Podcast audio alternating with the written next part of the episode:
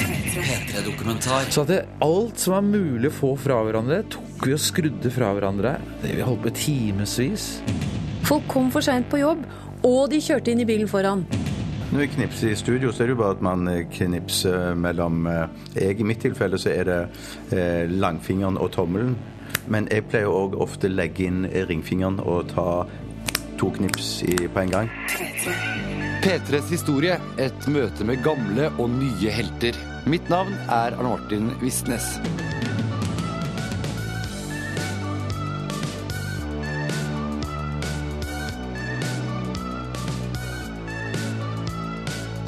Det er, det er Tony, det er musikkprisen det er det egentlig. Nei, Tony, er ikke det teaterprisen? Jo, den pleier det. Ser bra ut, ass. Det lukter nytrukket kaffe i studio der Ronny og Silje er i gang med dagens sending av P3 Morgen. Utenfor vinduene på Marienlyst viser et svakt rosa skjær over himmelen at solen, akkurat som lyttere over hele Norge, er i ferd med å stå opp. Silje og Ronny snakker om Emmy-utdelingen 2013, som i år ble ledet av Neil Patrick Harris. Neil Patrick Harris. I dag er Harris mest kjent for sin rolle som Barney Stinson i serien How I Met Your Mother. Men for 20 år siden, i 1993, var han best kjent som den unge legen Dougie Hauser. Og det er også i dette året at denne historien begynner. For i 1993 så kom en helt ny radiokanal i Norge som var rettet mot ungdom. Navnet på den nye kanalen var P3, og selv om Ronny og Silje ikke helt hadde nådd puberteten på denne tida, så husker Silje veldig godt at det skulle komme en ny radiokanal for ungdom.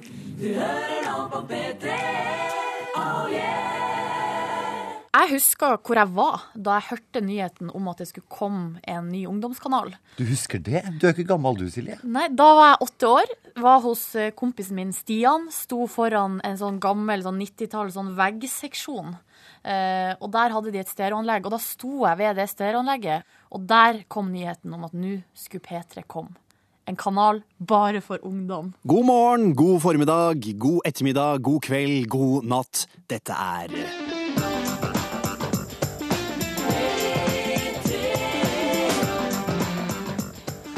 Jeg husker at jeg oppdaga radio generelt, og P3 spesielt, eh, en dag jeg var sjuk og hjemme fra skolen. Og så var det et eller annet der. Det var vel mm, Jeg tror det var det, som da heter Alle barns radiostasjon, som var sånn barneprogram egentlig nesten, på ettermiddagen der. Traff meg altså så ekstremt midt i hjertet, og det var kul musikk. Og det var morsomt, og det var gøy, og konkurranser. Var det. Ja, det var bare så uh, utrolig sånn wow. Dette, visste jeg at, dette tilbudet visste jeg ikke fantes. For meg så var det Det var Ti skuddet og Topp 20 som Å, jeg liksom huska best. Og Å, det, var, det var Howard og HC som Altså, jeg lagde jo sånn uh, mitt eget radioshow da, der jeg ropte balalaika, Balalaika. og trodde at jeg var Howard. var ikke det. Nei. Hva med Excel, da? Husker du det? Jeg husker Excel veldig godt, eh, og jeg tror at jeg følte at det var liksom Det var på en måte for de som var litt eldre enn meg, men eh, når jeg på en måte Da jeg hørte på det, så følte jeg meg på en måte ja, litt kulere enn jeg var. For de var liksom De var de råeste fyrene som var på radio da, på den tida. Ja, nå ser vi, nå er kartongen her vannrett. og det er like før! Der er Kristoffer ferdig! Og kule var de. Excel var et av programmene som var med helt fra starten på P3 i 1993. De fleste forbinder nok programmet med Espen Thoresen, som tok over som programleder for showet i 1995. Og det som gjorde programmet så populært, var den uformelle tonen Espen og gjengen hans skapte ved å by på seg selv, blant annet ved å gjøre ting ingen andre hadde gjort før i et radiostudio. Som for eksempel den gangen Kristoffer Schou spiste 120 Fishman's Friend. 81, 82, 3, 4, 5, 85 Fishman's Friend. Det er altså oppi fire poser med Fishman's Friend. Det var derimot ikke bare i radio og TV at folk av Excel gjorde seg bemerka. Espen Thoresen husker godt at de under en norgesturné med Excel endte opp med å demontere et hotellrom i Bodø, noe moren til Espen Thoresen ikke satte særlig pris på. Ja, ja, vi må ha med dette her grusomme her, vet du. Ja, ja. Og du får ikke lov å komme inn på det hotellet igjen. Du må være Dette her veit jeg ingenting om. Det som skjedde, Du får var at ikke jeg la reise meg jeg lå og alene. sov under vinduet der. jeg. Og det var Johan og Alex. Ja, det var absolutt alt. Altså. Det, var, eh, det var flottøren inni doen, liksom. Altså innmaten i dusjen. Eh, altså, hvis det fantes en skrue på det rommet, så ble den skrudd ut og puttet i små, i små sånne poser med teip, skruer, hjørnestol, bordben, Så alt var systematisert, da. Litt sånn Ikea? Ja, ja. Så at det, alt som var mulig å få fra hverandre, tok vi og skrudde fra hverandre. Vi holdt på timevis. Og så la vi det sånn veldig systematisert utover gulvet med disse posene ved siden av. eh, Skruer, lampe, stålampe. Ja. Hva er det som skjedde da? Nei, den historien hang med oss ganske lenge, fordi flere år etterpå så var Kristoffer og jeg var i, eh, i Bodø. På, skulle ha standup i Bodø, og så eh, På SAS-hotellet, tror jeg vi bodde. Og da husker jeg at vi fikk hvert vårt rom ved siden av hverandre, og så vi sjekka vi inn. Og så hadde de da tatt begge rommene og satt dem opp ned. Sengene, bokhyllene, TV-en, minibaren. Alt var opp ned inne på rommet der, og det var flere år etterpå, da. Og så gikk vi ned igjen, og da sto jeg vet ikke, kanskje 30 stykker som jobba på det hotellet da, og, og klappa og lo når vi kom da, ned igjen. da. Så fikk vi to nye rom, da, men de glemte å ta de glemte å ta fra oss nøkkelkortet til de to første rommene. da. Så de ga vi til et par uteliggere som eh, hadde fest på mine barn. Espen Thoresen har i dag forflyttet seg ned til storesøster P2, og da jeg var nede og pratet med ham, traff jeg en dame som også har hatt flere populære show i P3, nemlig Kari Slottsveen. Vi skal snakke litt i dag her i Holger Nilsens metode om, om hva vi spiser i høst. Hun er kanskje mest kjent for program som Irma 1000 og Holger Nilsens metode.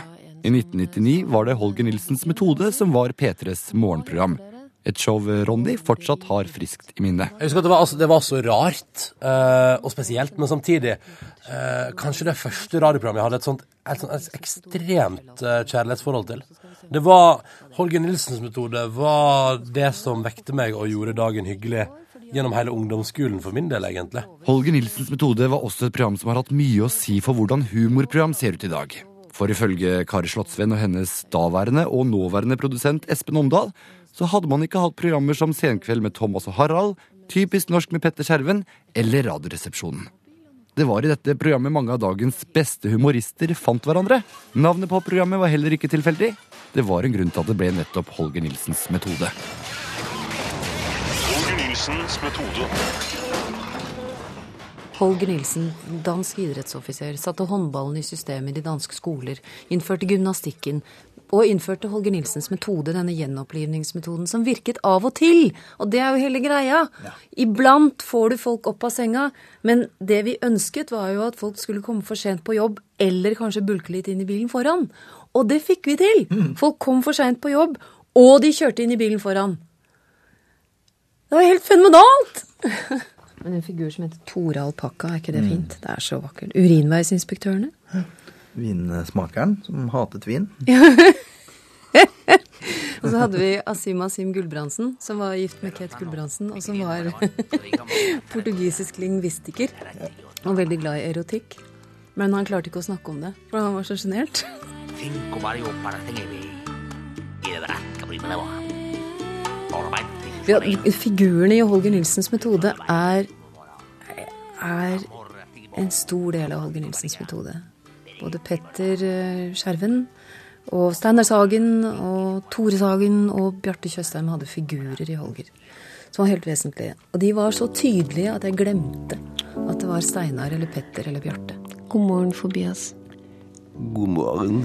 Og Bjarte var angstfylte Fobias Lund som ble heist opp mellom to furuer i en skinnpung av brødrene Haldorsen hver kveld, og som bodde i den pungen der oppe under de trærne, som svaiet lett i sommerkvelden, og så hadde han hele Eva Knardals samlede vinylplatesamling og en platespiller. Så var han opptatt av det pykiske og det fykiske. Jeg glemte at det var Bjarte. Dette er Olav Duun ifra Mennesket og maktene. Og det hadde du mellom hvilke tenner? Mellom tærne. Mellom tærne? Mellom tillarot og storebrann. Det er jo nesten litt sånn uh, barnslig, det her. Barnlig. det er barnlig. det er lekent! Det er et, eh, det er et eh, idéunivers der folk rett og slett ikke sier nei. De bare går på. Dere ser jo nesten litt sånn drømmende ut nå, Kari og, og Espen. Ja. Etter tre og et halvt år så var det slutt, og, og dere valgte å gjøre en litt sånn spesiell avslutning på showet. Dere hadde det foran publikum i, i store studio. Ja, det, um, Espen var jo produsent og general eh, på denne sendinga. Jeg og Steinar Sagen eh, programledere. Velkommen alle sammen til Holger Nilsens metodes aller, aller, aller, aller siste sending. Det var jo kø da, fra store studio her på Marienlyst og ned til Sums gate av folk som ikke kom inn. Ja, Som ble liggende ute på plenen i solskinnet den tidlige morgenen og dele på ørepropper og høre på sendinga i sovepose. Det kom en gravid jente fra Sandnes. Hun hadde kjørt med mannen sin, hun var litt sprekkeferdig. Ehm, Det kom folk som hadde reist fra Volda, fra Lom, fra Voss for å få med seg å være sammen med oss. Så fikk de matpakke. Og så hadde vi en sending der vi vekslet mellom å ha et publikum som sto på stolene og brølte, eller satt i fanget på hverandre, la seg ned på gulvet og grein når jeg leste en fortelling som het Nalle. Jeg heter Lina. Mormor heter Nalle. Vi bor her.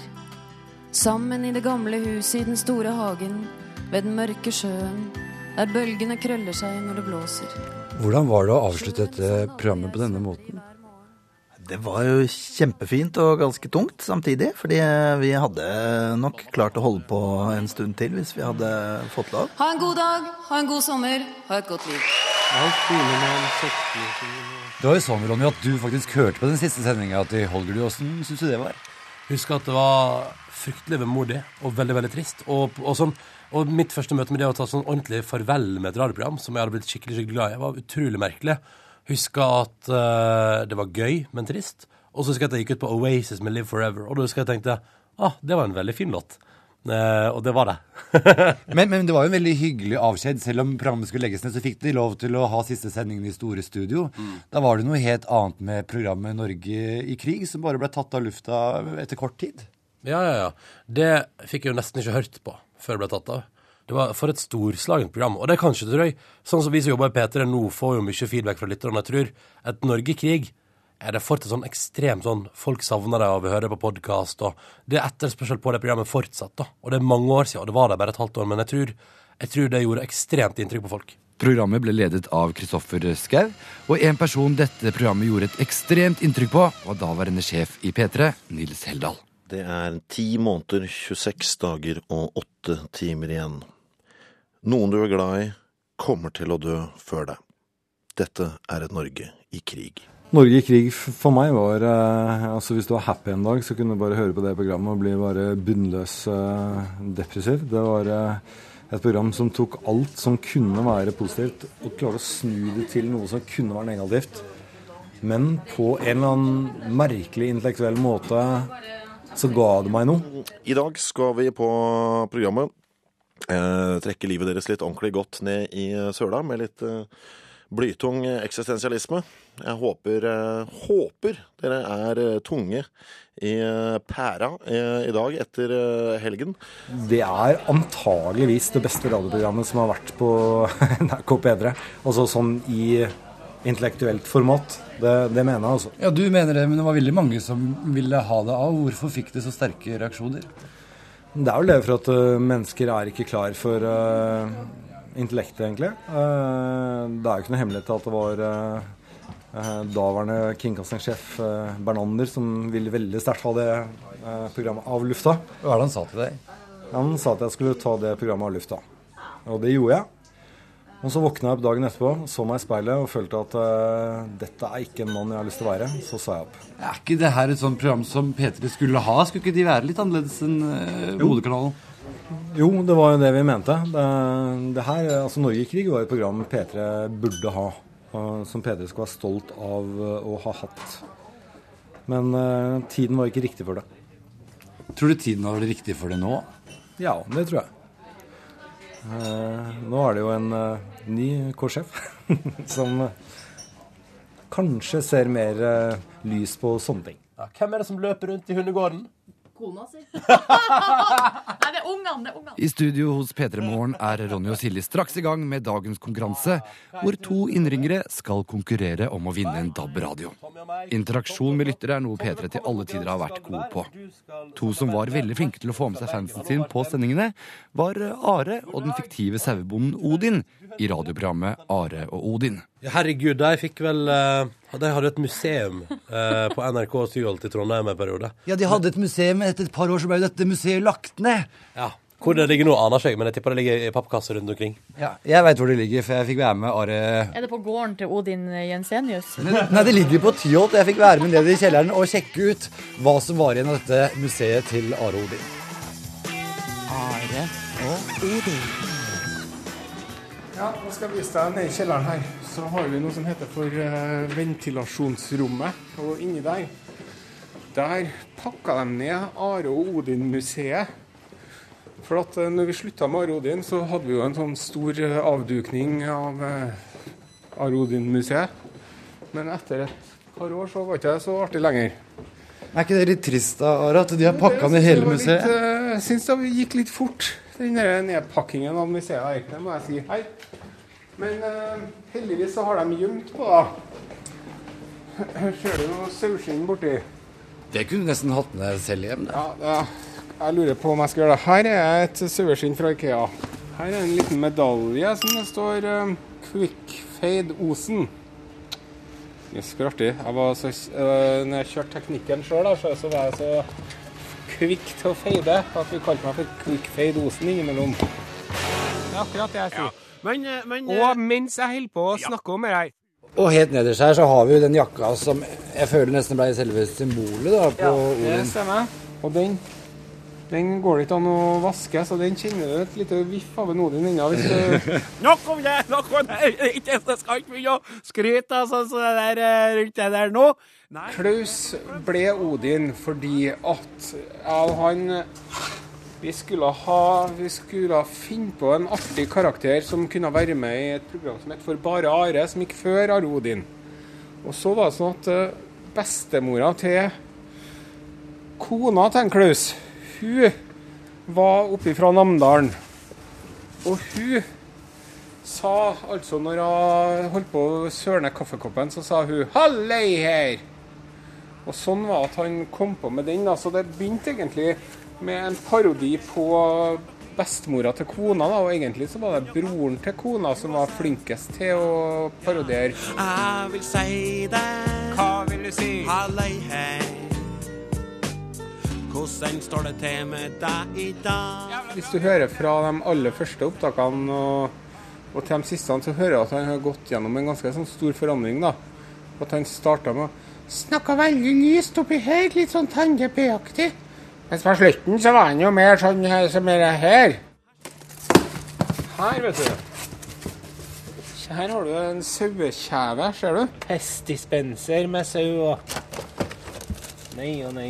Er det mange minner som du, uh, kommer fram hos deg nå? Ja, Det er jo det. Se på den her, da. Den var jo nydelig. Med masse strikkasauer på en strikkagenser. Den tar jeg med meg hjem.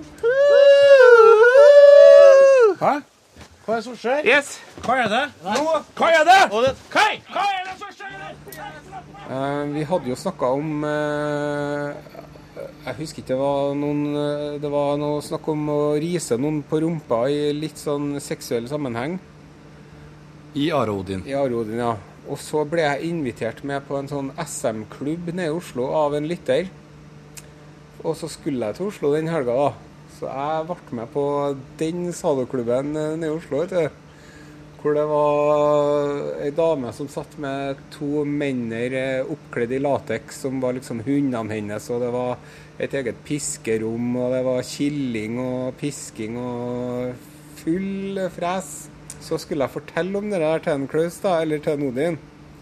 Og så fortalte han der at når man driver med sånne sexrollespill, så har man et sånn safe word.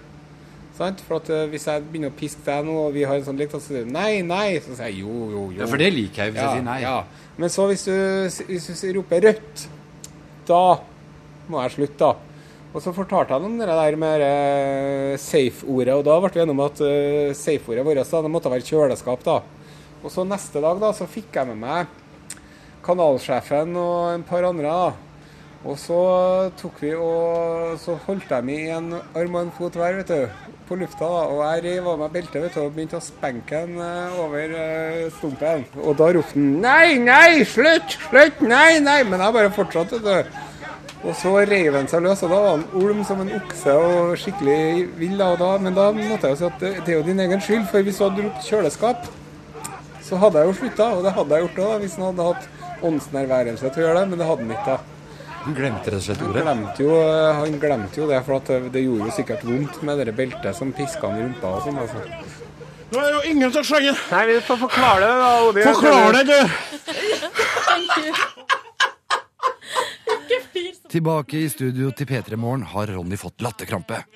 Ikke fordi han har hørt klippet av Odin som har blitt spanka, men fordi de nettopp har spilt av et intervju hvor Silje nesten dåner etter at en av jentene i rockegruppa Haim har sagt at hun godt kan dra på date med henne. All right. That's okay. Det Ronny ikke vet, er at jeg har tatt med meg et gammelt klipp av ham, hvor han beskriver veldig billedlig hvor godt det er med kaffe om morgenen. Du starta jo på radioen her for syv år siden, Ronny. Nå skjønner du kanskje hva som skal skje? Ja, jeg er veldig nysgjerrig. Ja, du er jo veldig glad i kaffe, er du ikke det? Jo. jo. Du trenger det om morgenen. Ja. Her er et lite klipp av Nei, Ronny, nei, nei, hvor han snakker om hvor godt det er med å få litt kaffe. Sånn helt Gri- Er det, er, det, er det fra Grisetidlig? Det er fra Ja, Grisetidlig. den, den, si at den sendinga tror jeg faktisk jeg fikk sånn lytter mer på sånn sånn Slutt, slutt, slutt, helvete slutt å prate så mye om kaffe. Åh, nei, ah, Mm, god morgen. Jeg har fylt opp kaffetrakteren for tredje gang. Jeg, nå. Eh, ja da. Jeg har vært på jobb en liten stund, og, og mm. Er det den måten her dere blander musikk og innhold på, Ronny? Dette her eh, Dette var vondt å høre igjen. Uh, nå ble jeg svett. Ehm, ja, nei, det var den sendinga jeg fikk beskjed om. Det, det sitter og sånn som kaffe. Jeg vet ikke hva som var konseptet, men uh, jeg, tror, jeg tror det som var helt i begynnelsen, når vi begynte med Gristidlig der, i 2000, så pratet vi om at vi hadde lyst til å liksom skape sånne um, Vi har egentlig bare lyst til mer enn å lage kanskje radio, bare lage sånne koselige univers. Og da var foreløpig eneste lydbilde vi hadde klart, var vel eh, at en, kaffetrakter som står og går. Så ble veldig mye av sendinga sentrert rundt det. da. Og det syns jo mange at det er moro. Men så har man jo også dem som ønsker at musikken alltid skal være i fokus, ikke praten. Sånn som musikkanmelder i Dagbladet, Sigrid Hvitsten. Så jeg dro ned til henne for å finne ut av hva det er hun syns om P3 sin musikkprofil. Og da jeg møtte henne, så trakk hun rett og slett for gardinene. Hva er det du holder på med nå, Sigrid? Jeg danser. Jeg, har jeg danser, jeg har en liten dansepause. Når man anmelder plater, så noen ganger så må man utagere litt kroppslig, da, og så liker jeg å danse litt. Jeg tilhører jo den generasjonen som har eh, vokst opp eh, med P3, altså nesten fått sin musikkutdannelse via P3. Eh, Jeg husker helt konkrete minner, og at jeg sitter på pikerommet mitt og hører på Rocksrevyen og noterer ned navn på band og låter som jeg liker godt, og som jeg skal sjekke ut senere. Og så husker jeg også at jeg irriterte meg grenseløst av en eller annen grunn over at Marit Karlsen hele tiden refererte til seg selv som undertegnede. Det syns jeg er dårlig språk. Men det at hun trakk fram låter som eh, jeg likte veldig godt, eh, opphevde. Jeg hørte jo gjennom det for det. Så du hørte på det selv om du var litt irritert? Jeg hørte på det selv om jeg var litt irritert. Dette var en norsk gruppe som heter Royal, som Roxrud nå har spilt mye etter eh, stort press fra lyttere de siste Det var så viktig eh, å få en annen Et annet blikk inn på musikken enn det man fikk kanskje blant sine blant de andre man hang med til vanlig, eller eh, fikk via de mer kommersielle radiokanalene, eller eh, hvilken låt som var den kuleste på skolen og sånn. Det, det var på en måte et slags alternativt univers som var veldig deilig å gå inn i. In the Airplane Over the Sea er tittelen på den nye skiva til Neutral Milk Hotel, og her skal du få høre de med låta The King of Carrot Flowers Part 1. Eh, Det er klart at jeg kunne ønske at eh, hvert program var et rendyrket eh, musikkprogram. Samtidig så er jeg jo ganske gammel da, i forhold til de forhåpentligvis unge lyttere som hører nå. Det er jo litt viktig, og jeg tenker at det er faktisk noe av det viktigste med P3, er jo det at den musikken de spiller, faktisk speiler det eh, musikkforbruket eller den musikkinteressen som målgruppen har, og ikke det som vi som sitter i Akersgata er snart 40 eh, liker å høre på. Når det er sagt, så er jeg ikke den som hører mest på P3 til på dagtid, når det er, musikken er eh, formatert i lister og eh, praten ikke handler om musikk, men alt mulig annet det er. Eh, så jeg er ikke interessert i alle annen eh, mulig pjatt. Jeg er egentlig mest interessert i musikk og eventuelt Radioresepsjonen. Så Radioresepsjonen liker du selv om det er mye pjatt? Radioresepsjonen kan jeg faktisk takle uten musikk til og med. Postkasse! Jeg har fått en e-post her fra en som eh, kaller seg kompisen til Filla. Han heter egentlig Kai. Hei, Kai. Hei, Kai. Det er det ikke bare Sigrid Hvitsten som kan. For Radioresepsjonen er det mest populære radioprogrammet i Norge på podkast. Og på podkast så spiller man jo ikke musikk i det hele tatt. Så jeg spurte Steinar, Tore og Bjarte i Radioresepsjonen om hvor viktig det har vært for dem at programmet deres er så populært å laste ned. Og det var det ikke så lett å svare på. Um, eh, er det noen andre som vil begynne? Jeg, jeg, jeg, jeg, Det har jo vært eh, viktig fordi eh, eh, Tore. Det har jo vært viktig fordi eh, eh, det har jo hjulpet vår altså, distribusjon av programmet, selvfølgelig. Eh, og så har det Jeg tror også at eh, de som laster ned ting på podkast, får et litt sånn større eierskap til det. Fordi de får en, en fysisk fil som de liksom eier og får. Så de, de som hører på oss på podkast, de samler liksom på, på Radioresepsjonssendinger, sånn som man samler på Donald-blader eller frimerker. Litt det tror jeg er jeg har gjort liksom merverdi. Men, men siden dere er så populære på podkast, er det sånn at dere egentlig kunne droppa ut hele radioprogrammet og kun hatt podkast og ikke hatt noe musikk imellom? Ja, det kunne vi sikkert gjort. Eh, For det jeg syns jo liksom podkast er noe fullverdig, et fullverdig medium blitt. Jeg tror det er en nerve der som eh, man kanskje ikke får i like stor grad på podkast. Det, det, det har vi aldri prøvd, så vi veit ikke. Men jeg tror det. Jeg var, jeg vet du hva, jeg var og spiste hos uh, mutter'n og fatter'n i går. Spagetti bolognese. Oh! Bolognese Sånn var det. mer Sånn enn spagetti. Når vi knipser i studio, så er det jo bare at man eh, knipser mellom eh, jeg, I mitt tilfelle så er det eh, langfingeren og tommelen. Men jeg pleier òg ofte legge inn ringfingeren og ta to knips i, på en gang. Nei, vi klarer det ikke.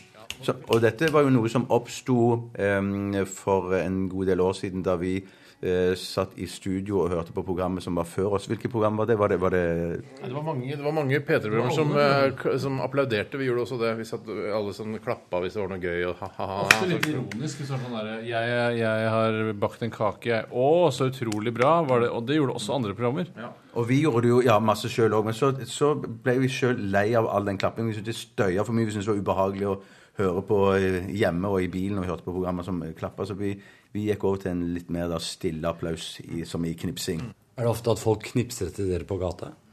Nei, vi har en annen uh, metode å- som folk bruker for å tilkjennegi seg som Radioresepsjon-lytter, om det er å putte en finger opp i nesa uh, idet man får øyekontakt. Og det syns jeg funker veldig bra. Det funker best når du møter fotgjengere eller ute på gata som må spasere. Jeg har møtt syklister som gjør det samme, men da er jeg aldri rask nok i reaksjonen til å få opp fingeren sjøl opp i nesa. Men jeg, jeg pleier aldri å ta fingeren opp sjøl. Jeg pleier bare å anerkjenne blikket. Jeg sier ja, takk. smil. Å nei, jeg trenger ikke det. Nei, men Da er det greit. Da skal jeg bare anerkjenne det. Nei, for Jeg prøver liksom å få hilse tilbake igjen så, og, og, og nese tilbake igjen der. Nei. Stakkar, har du gjort det? da? Ja, ja, ja. Stakkar, stakkar. har du gjort det. Eh, Kristine har sendt oss en e-post. Hei, Kristine. Hun skriver Hei. Hvis dere havnet på sykehuset og da, Har det hendt at noen av dere har våknet om natta med mareritt om at det er ingen som liker dere lenger? Jeg har aldri våknet av et mareritt om natta noen gang, jeg. men jeg har tenkt på det på dagtid. Jeg tenkte å, kanskje ikke er noen som liker oss lenger. Hvordan hadde det vært, tror du? Ja, det hadde vært øh, Det spiller ingen rolle her i NRK, da, for vi turer jo på med programmet likevel. Eh, Så det er ikke så farlig, men det var veldig trist, da. Det er litt sånn rart hvis plutselig altså, folk ikke skulle like fjoll på radio lenger. Det er veldig, veldig rart. I busken. Buskerud, si. Kan det bli for mye fjoll på radio, Silje?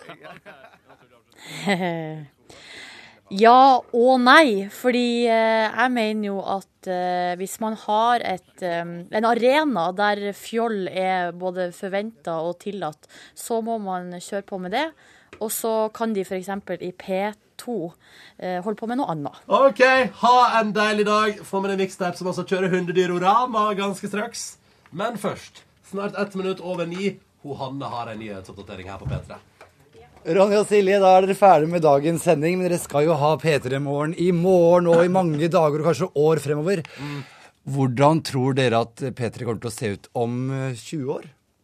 Oi. Vanskelig spørsmål. Jeg tror P3 kommer til å være en enda bedre radiokanal om 20 år. Og jeg tror det er masse ungt talent som eh, lager radio for unge folk i Norge her om 20 år òg. Og så skal ikke vi sitte og være sur og si at alt var bedre før. Nei, for det er det sånne. Nei. Nei, fordi alt var ikke bedre før. Sannsynligvis er P3 akkurat nå et så, en så bra radiokanal for de som er unge i 2013, som det var for de som var unge i 1993, den gang. Og så sitter de som var unge i 1993 og sier at P3 har blitt en dårlig kanal. Jeg tror nok dessverre. Og som det ofte viser seg at eh, nei, det er bare du som har blitt eldre, og skal en annen plass eh, med mediehverdagen din. Eh, fordi jeg tror nok at eh, P3 må forynge seg, og P3 må Vi må, altså, P3 må utvikle seg, Mm. og det skal ikke vi stoppe, i hvert fall. Nope, nope, nope. Vi er så lenge vi får lov, da. Er så lenge vi får lov.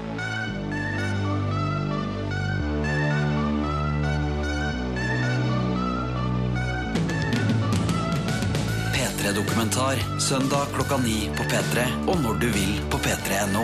P3.